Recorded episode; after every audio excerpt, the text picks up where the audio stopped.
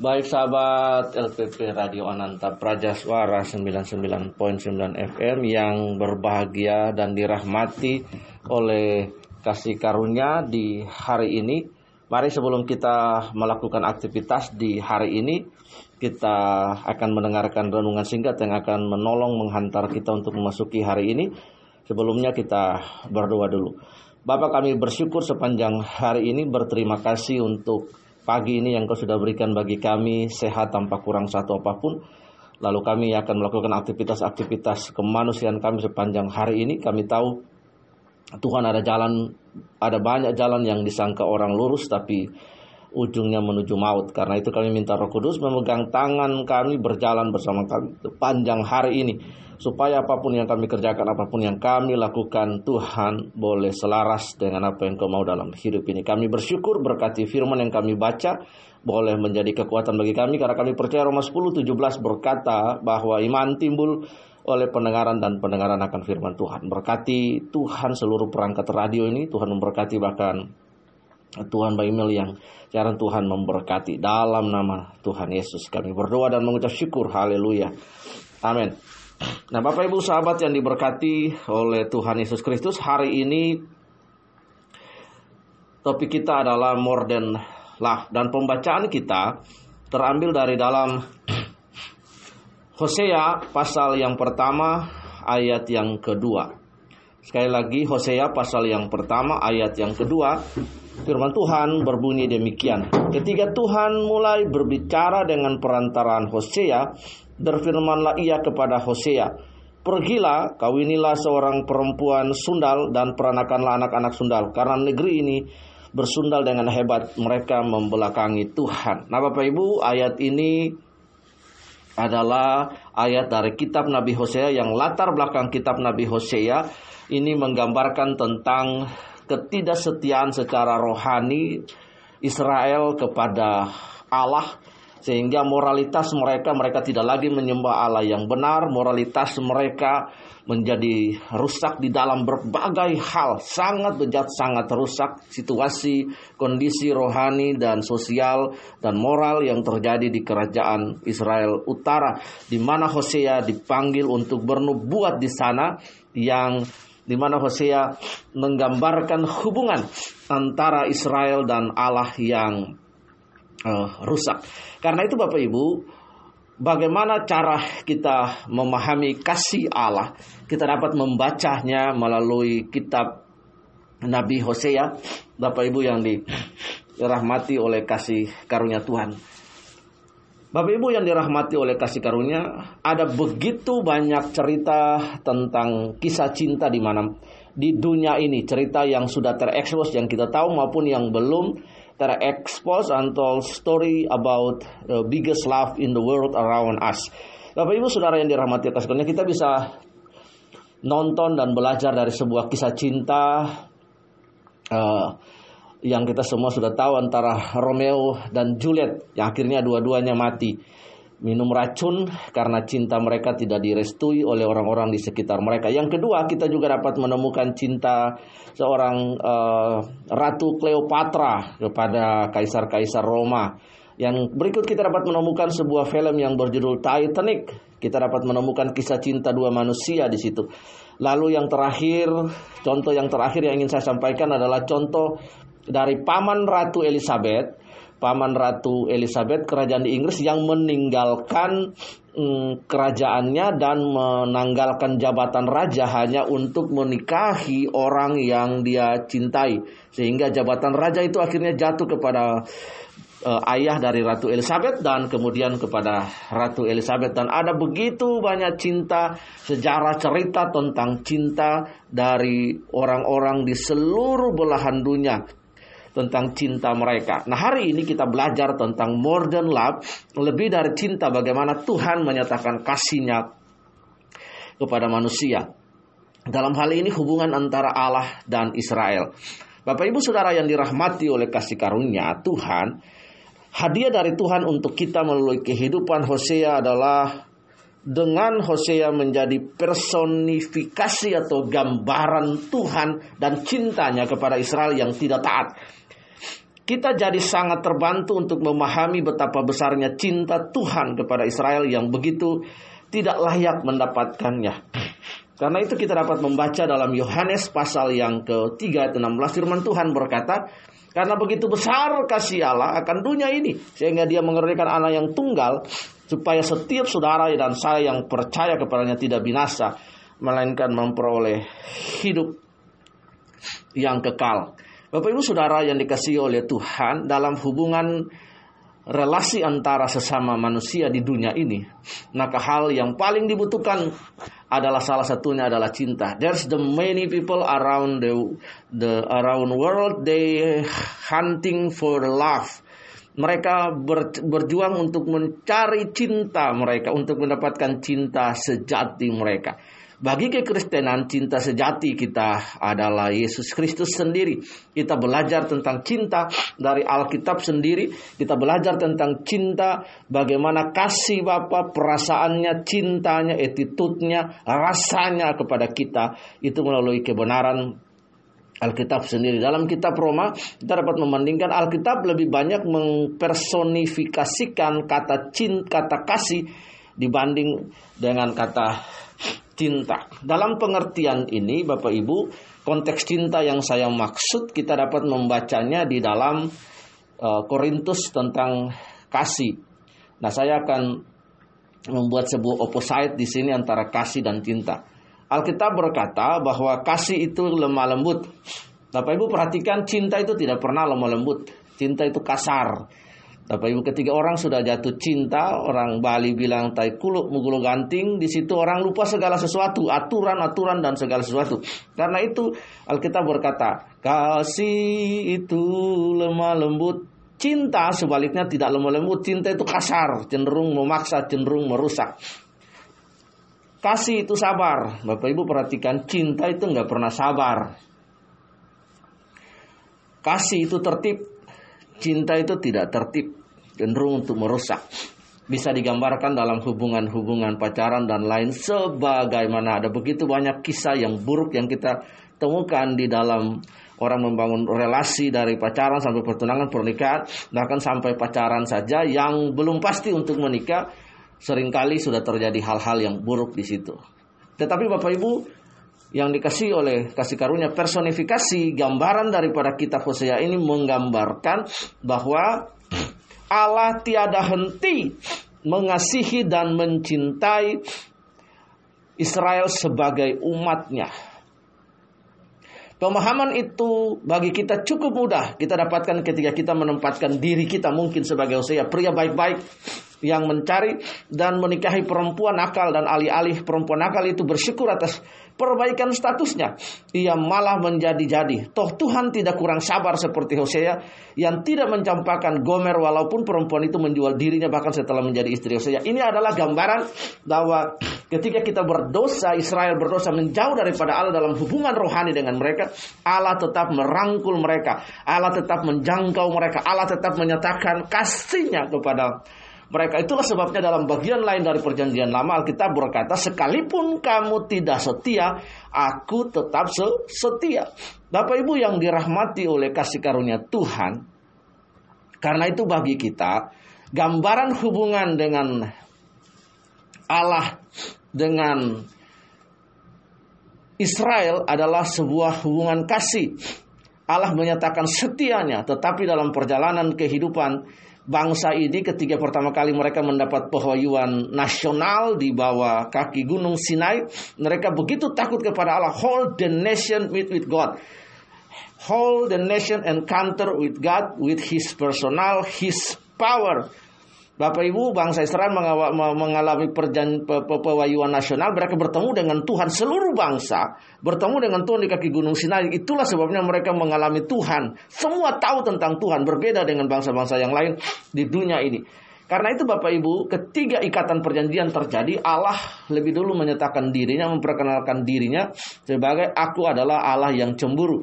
Artinya Allah menuntut pengabdian hanya kepada dirinya, tidak kepada pribadi yang lain.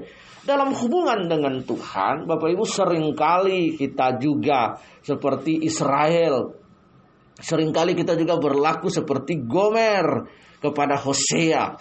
Bagaimana Hosea menyatakan cinta dan kasihnya berkali-kali tanpa batas kepada Gomer. Demikianlah Allah juga menyatakan kasihnya kepada kita karena begitu besar kasih Allah. Karena itu lebih daripada sekedar cinta Bapak Ibu, tapi kasih. Nah, Bapak Ibu perhatikan itulah sebabnya mengapa judul film yang diciptakan oleh Mel uh, Gibson seorang sutradara terkenal dari Hollywood Passion of Christ bukan Love of Christ Passion sebuah gairah yang lebih dalam daripada sekedar uh, cinta. Sebuah kasih yang tulus yang besar sekali dari Kristus kepada kita kepada dunia ini.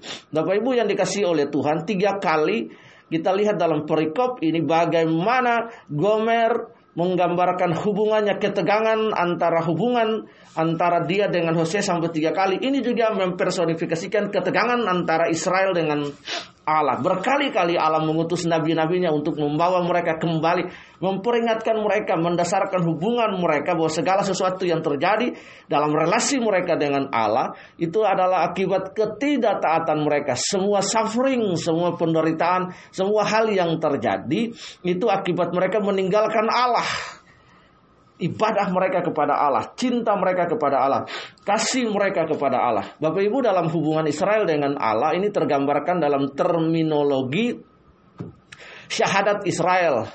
Syahadat Israel itu Adonai Elohim. Ya, Elohim, Adonai Elohim, Ekat, Adonai Eloheinu. Itu adalah syahadat bahwa aku berkata bahwa hanya Tuhan satu-satunya Allah yang ekhat itu. Tetapi pada realita pernyataan cinta, pernyataan kasih mereka kepada Allah yang harus menjadi satu-satunya yang mereka sembah itu mereka tidak sembah Bapak Ibu yang dikasih oleh Tuhan. Jadi tindakan yang dilakukan Hosea menyatakan cinta, menyatakan kasih, menyatakan perhatiannya berkali-kali kepada Gomer itu menggambarkan more than love, lebih daripada kasih, lebih daripada cinta. Israel berkali-kali memberontak kepada Allah. Berulang kali kita baca dalam sejarah seperti sebuah lingkaran setan. Tapi Allah berulang kali menyatakan cinta, menyatakan kasih. Menarik mereka kembali kepada dia. Ini juga menggambarkan kepada kita bahwa sering kali dalam perjalanan-perjalanan hidup ini. Bapak Ibu yang dirahmati oleh Tuhan Allah menyatakan cinta dan kasih sayang kepada kita. Kita dapat membaca Bapak Ibu di sini pada ayat yang ke-10 sampai 12 Tuhan menjanjikan satu masa depan yang indah. Satu hari ketiga orang Israel akan bertobat dan Tuhan tetap menanti dengan setia. Hari itu disebut Israel. Adalah hari di mana Tuhan menuai apa yang dia tabur. Sebab kata Israel memiliki dua makna dan Tuhan menggunakannya sebagai sebuah titik tolak pembaharuan hubungannya dengan Israel. Begitu pula Ami dan Ruhama, dua anak yang di, yang dilahirkan oleh Gomer dalam pernikahannya. Yang pertama Israel, yang kedua Ama dan yang ketiga Ruhama. Mereka yang dulu bukan siapa-siapa kini menjadi kesayangannya. Yang dulu tak disayang dan bukan umat kini kembali menjadi kesayangan Tuhan. Dan kita yang dulu bukan siapa-siapa, tapi kita yang percaya kepada Yesus, karena begitu besar kasih Allah, Dia menjangkau setiap kita yang percaya kepadanya dan menepus setiap kita tanpa batas. Kepada siapa salah, siapa saja Allah menyatakan cintanya, Allah tidak rasis kepada siapa saja karena Dia adalah Tuhan atas seluruh kehidupan manusia, atas seluruh manusia siapa saja Allah menyatakan kasih dan Allah menyatakan cintanya kepada mereka. Nah, pada tahap ini Bapak Ibu, mereka menjadi kesayangan Allah. Dan pada tahap di mana hubungan Anda dengan Tuhan saat ini pertanyaan diagnostiknya bagi kita adalah Hari ini ketika kita mendengarkan cerita, kita mendengarkan paparan ini, pada tahap mana hubungan kita dengan Tuhan saat ini? Pada paruh pertamakah? Ayat yang kedua sampai sembilan atau pada paruh yang kedua hubungan kita dengan Tuhan pada ayat yang ke-10 dan 12? Jika kita belum berdamai dengan Tuhan, sambutlah panggilannya. Ia masih sabar menanti kita jika sudah, maka resapilah betapa besarnya cinta Tuhan kepada kita dan berikanlah yang terbaik untuk Anda untuk membalasnya. Bapak Ibu Saudara yang dikasih oleh Tuhan, tidak ada siapa pun di dunia ini yang wanita yang mau dimadu. Karena itu dengarkan baik. Sama seperti Tuhan menuntut kita untuk submit, obey to His law, to His commandment. Demikianlah juga Representasi daripada kasih Allah itu dari husband kepada wife. Karena itu saya berharap dengan ini kekristenan mengajarkan kepada kita bahwa mias gunaikos andra. Satu suami, satu istri. Istri punya satu suami, suami juga punya satu istri. Menggambarkan kesetiaan, menggambarkan lebih daripada sekedar cinta, yaitu kasih more than love dalam hidup ini. Karena itu kesetiaan kita kepada Tuhan itu bisa terrealisasi tergambarkan juga dalam hubungan kita dengan istri antara suami dan istri. Karena Tuhan menggambarkan hubungan manusia dengan dia juga hubungan suami istri akrab di situ, saling mengetahui, mengenal, menyatakan kasih, menyatakan sanjungan, mengatakan pujian kepada orang yang dia kasihi. Karena itu hari ini mari sebelum kita melakukan kegiatan kasih hari ini, mari kita baharui komitmen kita, hubungan kita dengan Tuhan. Apakah hubungan kita dengan Tuhan seperti Israel dan Allah atau dengan Gomer, Hosea dan Gomer pada tahap pertama, tahap kedua dan tahap ketiga berkali-kali lebih dari satu kali uh, Hosea menyatakan kasih cinta sekalipun Gomer berubah setia. Karena itu Bapak Ibu jangan sampai kita ada pada sebuah tahap yang seperti ini Ingat bahwa tetap kembalilah setia kepada Tuhan dalam apa pun yang Anda kerjakan, setia kepada ibadah-ibadah, setia kepada kegiatan-kegiatan yang dilakukan di dalam gereja lokal, bak setia secara pribadi hubungan dengan Tuhan dan kegiatan-kegiatan lain. Ini juga terimplementasi dalam hubungan kita dengan suami. Setialah kepada suami Anda, setialah kepada istri Anda dalam keadaan apa pun. Nah, kalau kita tidak setia itu bukan kasih, itu namanya cinta. Kalau cinta itu hanya sekedar saja Nah, tapi kalau kasih, dia menerima suami istri dalam kondisi apa pun unlimited tanpa batas. Ketika sakit, ketika kaya, ketika miskin, ketika terpuruk, ketika kaya, dan lain sebagainya. Mari sepanjang hari ini, biarlah cinta Tuhan, kasih Tuhan mewarnai seluruh hidup kita dan mendorong kita untuk terus memiliki hubungan yang baik dengan Tuhan, hubungan yang baik dengan suami, hubungan yang baik dengan istri, dan hubungan yang baik dengan sesama terus setia kepada Tuhan, jangan berubah kasih, jangan berubah sikap kita terhadap Tuhan dalam ibadah, dalam itu, dalam seluruh kegiatan yang kita kerjakan. Biarlah hal ini menjadi motivasi, menjadi semangat bagi kita sepanjang hari ini. Cinta dan kasih Kristus yang besar yang tidak tergambarkan itu menolong kita, memberkati kita. Biarlah kasih kita kepada Tuhan, kasih kita kepada istri, kasih kita kepada suami menjadi motivasi semangat bagi kita di hari ini untuk memulai bekerja, melakukan aktivitas sepanjang hari ini di dalam nama Tuhan Yesus. Mari kita tunduk kepala dan kita berdoa. Kasih karunia Allah yang jauh melampaui segala roh hikmat, akal dan pikiran menolong dan memberkati kami. Tuhan ampuni kami kalau dalam hari-hari kami beribadah berbakti kepada Engkau. Kami ada berubah setia. Tuhan dalam nama Yesus Engkau baharui hidup kami.